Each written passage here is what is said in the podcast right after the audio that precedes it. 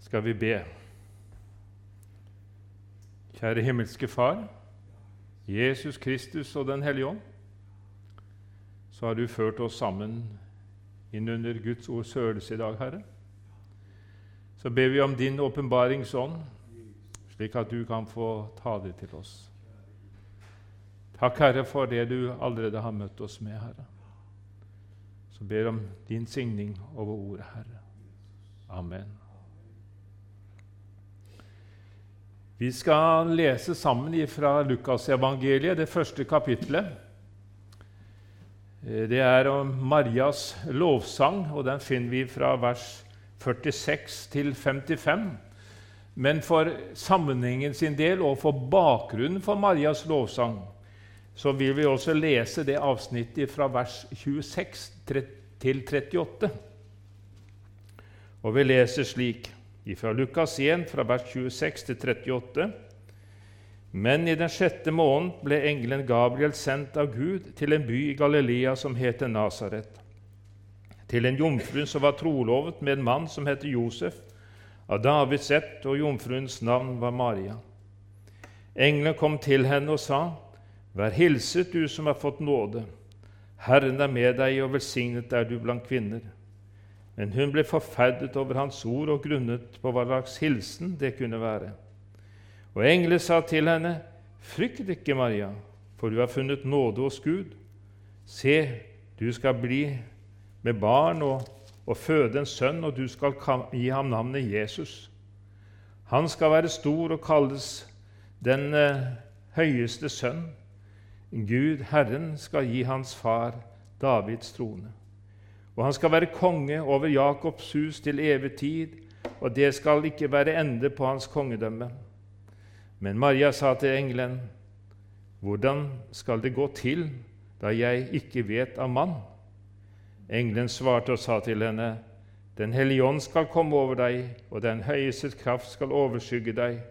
Derfor skal også det hellige som blir født, kalles Guds sønn. Og se, Elisabeth, din slektning, har også unnfanget en sønn i sin høye alder. Hun som ble kalt ufruktbar, er nå i alt det sjette måned. For ingenting er umulig for Gud. Da sa Maria, Se, jeg er Herrens tjenerinne. Det skjer meg etter ditt ord. Og engelen forlot henne.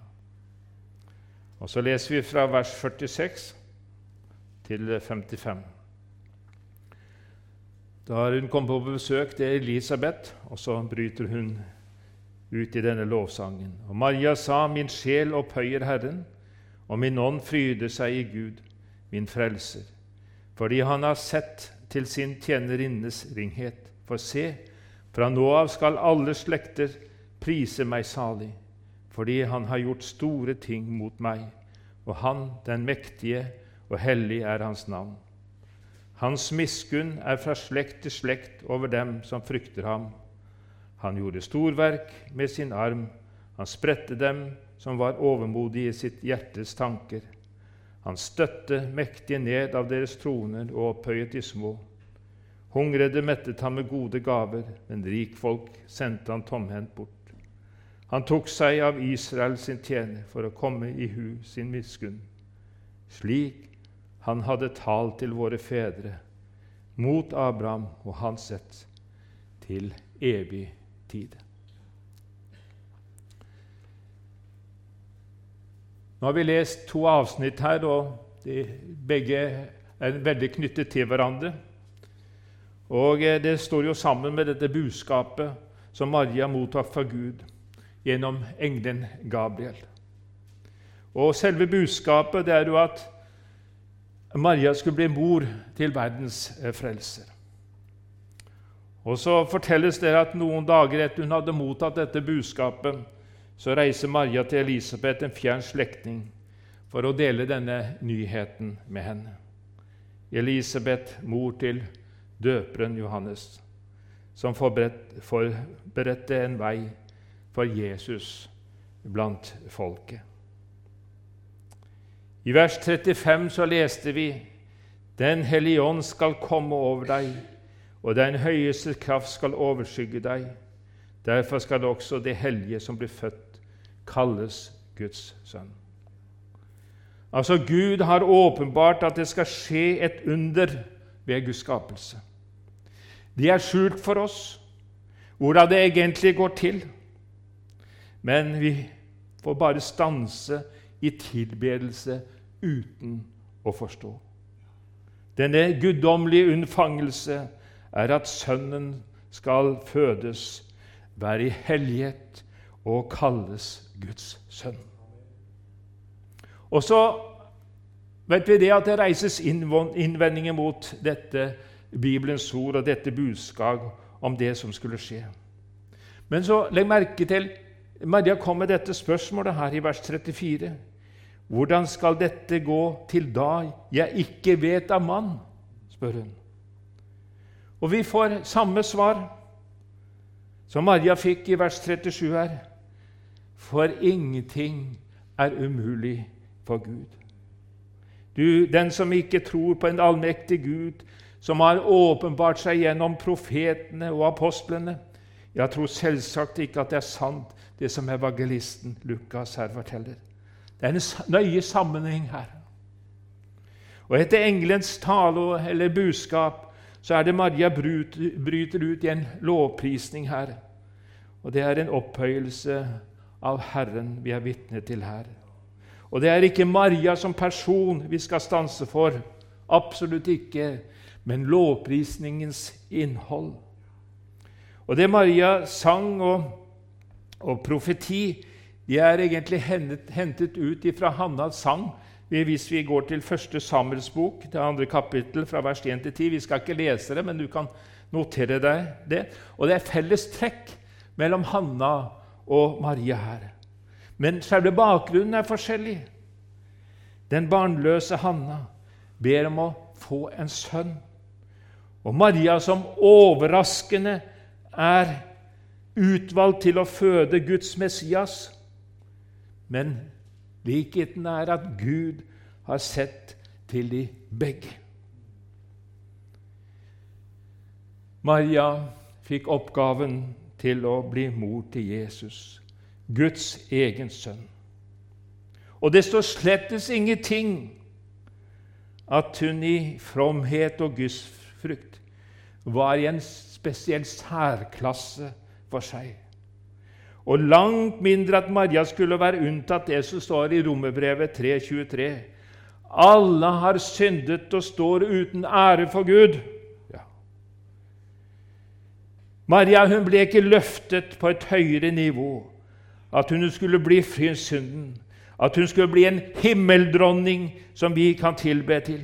Nei, dette er en lære som ikke har dekning i Skriften og i Guds eget ord. Engelens budskap var at hun hadde funnet nåde hos Gud. Funnet nåde hos Gud. Det er ikke Maria som er underet, men det barn som hun bærer i sitt liv. Og Etter møtet med engelens budskap så sier Maria i vers 38 her.: Se, jeg er Herrens tjenerinne. Det skjer meg etter ditt ord. Hva gjør Maria? Hva gjør hun? Hun bøyer seg i ydmykhet for budskapet og hennes villighet til å tjene. Hun fikk være et redskap for Gud. Hun ble brukt av Gud. Hun har den tillit at for ingenting er umulig for Gud. Hun hadde tillit til det. Enda i samfunnet at hun kunne risikere sitt gode navn og rykte ved å samtykke. Og nettopp i sin tilstand så er det Maria lovpriser, og hennes ånd fryder seg over Gud. Hun erkjenner i sin lovprisning at Gud er frelsen. Maria hadde funnet nåde hos Gud. Ikke på grunn at det skulle være spesielle forutsetninger og kvalifikasjoner hos henne, men at Gud nettopp gjennom henne skulle fullføre sin frelsesplan for en fortapt menneskeslekt. Ja, evner vi å forstå tanke Vår forstillingsevne klarer vel ikke fatte at en ung jødisk kvinne, en jomfru, ble Guds egen mor. Da Gud selv ble menneske i henne. Og faktisk er det jo det enestående at Gud lot seg føde inn i vår historie gjennom en ganske alminnelig ung kvinne, en jomfru. Maria hun ble ikke noe hovmodig over å motta et slikt budskap at hun skulle føde verdens frelser. Hun hadde slett ingen store tanker om seg selv. Hun betraktet seg som Herrens ringe tjenerinne. Og Dette viser faktisk ordene i 1. Korinterbrev 1, fra vers 25 til 31. I motsetning til menneskets tankegang og måte å tenke på i 1. Korinterbrev 1, fra vers 25. For Guds dårskap er visere enn menneskene, og Guds svakhet er sterkere enn menneskene. Brødre, legg merke til det kall dere fikk. Ikke mange vise etter kjødet ble kalt, ikke mange mektige, ikke mange av høyhet. Men det dåraktige verden, det utvalgte Gud seg for å gjøre de vise til skamme. Og det som er svakt i verden, det utvalgte Gud seg for å gjøre det sterke til skamme. Det som er lavt i verden, og det som er foraktet, det utvalgte Gud seg, det som ingenting er, for å gjøre det til intet som er noe, for at intet kjød skal rose seg for Gud. For det er Hans verk at dere er i Kristus Jesus, Han som for oss er blitt visdom fra Gud og rettferdighet og helliggjørelse og forløsning. For at, som skrevet står, den som roser seg, han roser seg i Herren. Her ser dere motsetningsforholdet, hvordan mennesket tenker. Tjenerinne, hva betyr det egentlig? Det betyr egentlig en trellkvinne. Det å være trell det betyr å være underkastet noe, og i dette tilfellet Herren. Maria hun oppdaget storheten i å underkaste seg helt Herrens ord. Underkaste seg helt Herrens ord og regne utelukkende med Hans løfter, Guds løfter. Ja, hun er Herrens lykkelige trellkvinne. Hun er Herrens lykkelige tjenerinne. Og Så kan vi gå til profeten Jesajas, som sier noe om dette her. Jesajas 7, 14. Derfor skal Herren selv gi dere et tegn. Se, en jomfru skal bli med barn. Hun skal føde en sønn og gi ham navnet Immanuel, som betyr Gud med oss. Og Går vi et par kapitler lenger ut i Esaias 9, vers 6.: For et barn er oss født, en sønn er oss gitt. Herredømmet er på hans skulder, og hans navn skulle kalles Og hør på alle disse navnene under, rådgiver, veldig Gud, evig Far, fredsfyrste. Og nettopp gjennom sin lovprisning så vitner Maria om Guds storhet mot henne. Han er den mektige, og hans navn er hellig. Hennes oppdrag skulle få følge for menneskeslekten. Og det er dette hun prises salig for. Ikke for at hun er et fint og godt menneske, men at hun lot seg bruke av Herren og ble Herrens tjenerinne. Og Når vi leser, eh, når vi leser denne lovsangen, så, så tyder det på at Maria har inngående kjennskap til Guds ord og hva som skulle skje. Og det var ingen selvfølge i Israel på den tiden. Så det virker som hun hadde gode kunnskaper. Og for Maria så er det store, nemlig dette faktum at Gud har sett til henne i hennes ringhet. Det største er ikke dette at hun frivillig tar på seg oppgaven som Jesu mor, men dette at Gud ser til oss mennesker og gir oss alle del i Jesus Kristus. Gud har skapt universet og livet, og de vakreste ting. Men det kostet ham både inkarnasjonen og korsfestelse for å kunne gjøre oss mennesker som har en vrang vilje, til Guds barn. Og Da kommer vi jo midt inn i Johannes 3, 16.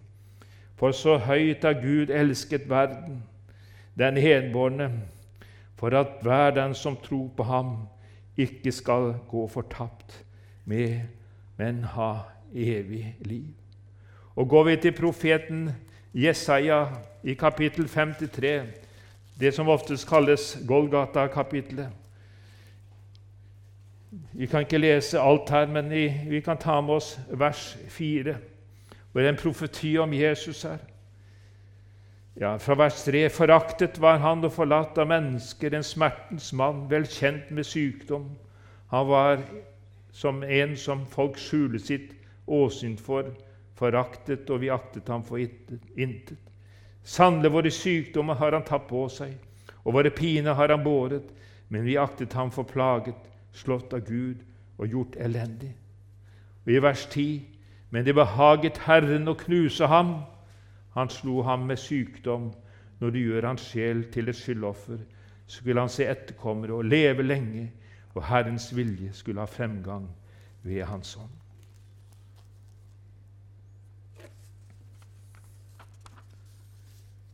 Dette er et frelsens faktum, og ikke våre anstrengelser som setter alt i rett stand. Gud Jesus Kristus har sett til oss, at han er for oss, at han er med oss, gjør oss til sine barn ufortjent. Og Derfor så blir livet nytt og rent og fylt av kjærlighet og lovsang til Gud. Dette ufattelige er det faktum at Gud er født inn i denne verden. Og Av dette så kommer den erfaring som Maria og de mange vitner forteller om. Den levende Jesus Kristus er innen rekkevidde av vår menneskelige troserfaring.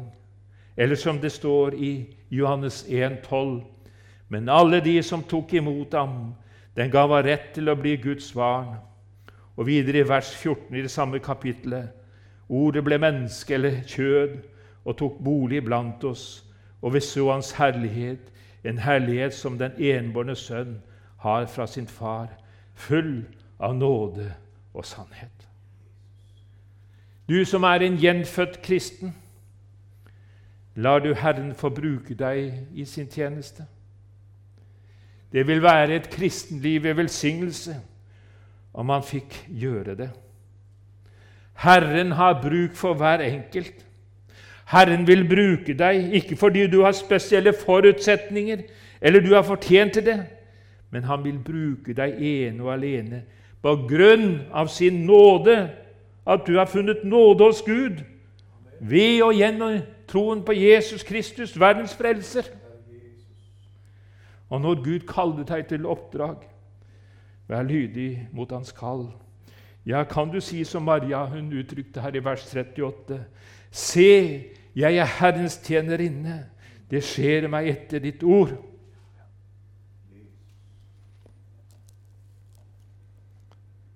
Maria hun vitner videre i sin lovprisning om Herrens storverk og Herrens makt i historien. Vi kan bare ta et eksempel i andre Mosebok om Israels utgang av Egypt fra vers 21 til 28, hvor folket er vitne til Herrens under og frelste Israelsfolket ut av Egypt. Og Vi kan også gå til 1. Samuels bok, kapittel 15 og 16 hvor kong Saul han er hovmodig, blir forkastet, forkastet Herrens ord. Han ble avsatt som konge. Ja, som menneske har vi ingenting å rose oss av eller la oss bli opphøyet. Og Maria hun vitner i sin lovprisning at Guds løfter oppfylles. Guds paktløfte med Abraham er i ferd med å gå i oppfyllelse. En oppfyllelse som vil gjøre Abraham til far for en slekt. Gjennom hans folk og slekt skal Gud oppreise en frelser. Og Gud han gjør en pakt med Abraham og lover å gi ham og hans etterkommere hele Kanans land, det som senere fikk navnet Israel. Og så står det i 1. Mosebok 15,5 Han førte altså Abraham utenfor og sa:" Se nå opp mot himmelen og tell stjernene, og hvis stand, og, vi, og hvis du er i stand til å telle dem Og han sa til ham, Slik skal din ett bli. Og Gud han griper også inn fordi Abraham var villig til å ikke å, å spare sin egen sønn Isak. Det kan du lese om i 1. Mosebok 22, 16. Og videre står det i 17 og 18.: Så vil jeg stole velsigne deg ved å gjøre din ett tallrik som stjernene på himmelen og som sand på havets strand.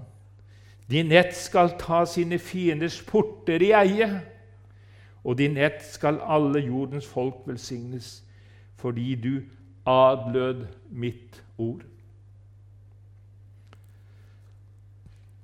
Hvem er disse? Jo, de er alle som kommer til tro på Jesus Kristus ved evangeliet om ham. Slike ord forkynner at frelsesbudskapet om Jesus Kristus skal videre ut, og at Guds løfter har fått sin oppfyllelse i Jesus Kristus. I 2. Korinterbrev 1,20 står det:" For så mange Guds løfter er, i ham har de fått sitt ja. Derfor får de også ved ham sitt amen. Gud til ære ved oss. Herrens miskunn. Det er Guds ufortjente kjærlighet mot dem som tilhører ham. Og nettopp Herrens miskunn, Herrens nåde, det er resultatet av at Gud har fullført sin frelsesplan og oppfylte den i Jesus Kristus. Han som ropte ut på korset. Det er fullbrakt. Det som tenktes til frelse, det er fullført. Og Gud oppreiste ham igjen.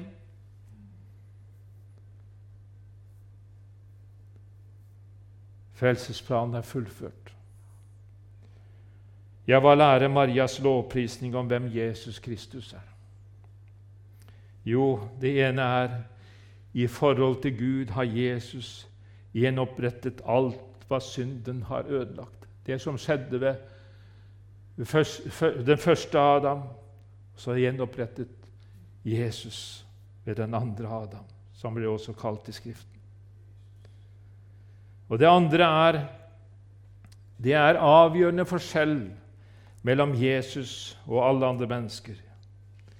Jesus er ikke bare menneskesønn, nå som han omtales i Bibelen, men Guds sønn. Jesus er en grunnlegger av en ny åndelig slekt av Guds barn på jorden. Og for å komme inn i denne slekt så er mitt personlige forhold til Jesus Kristus helt avgjørende. Og Derfor kunne Jesus si til Nikodemus i Johannes 3,3.: Uten at den blir født på ny, kan han ikke se Guds rike. Og det tredje her, det er to dramatiske alternativer. Det er troens tilbedelse eller den radikale fornektelse. Enten er Jesus sann Gud og sant menneske, Guds og Marias sønn, eller så er Jesus som en av oss. Og hvis det er slik, da er jeg uten frelse og håp. Men Bibelen uttrykker det så klart i apostelgjerningen 4,12. Og det er ikke frelse i noen annen, for det finnes ikke noe annet navn under himmelen gitt blant mennesker som vi kan bli frelst ved. Vi trenger å bli minnet om dette på nytt og på nytt igjen. Det er godt hende at du visste alt dette her, men vi trenger å bli minnet om det.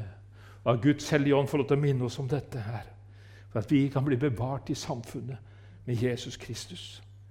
Og dette er med å kunne få føde en sann lovsang og lovprisning til Herren.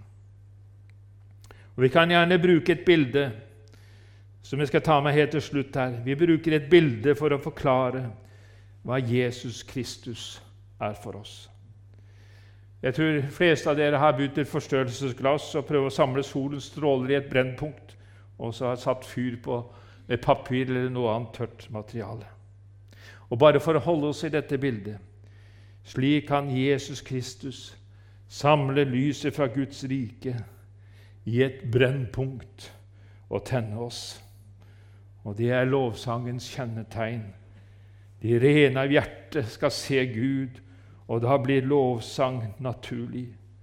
Jesus Kristus som samler lyset fra sitt rike i et brennpunkt som kan ja, som er med og, tenner oss.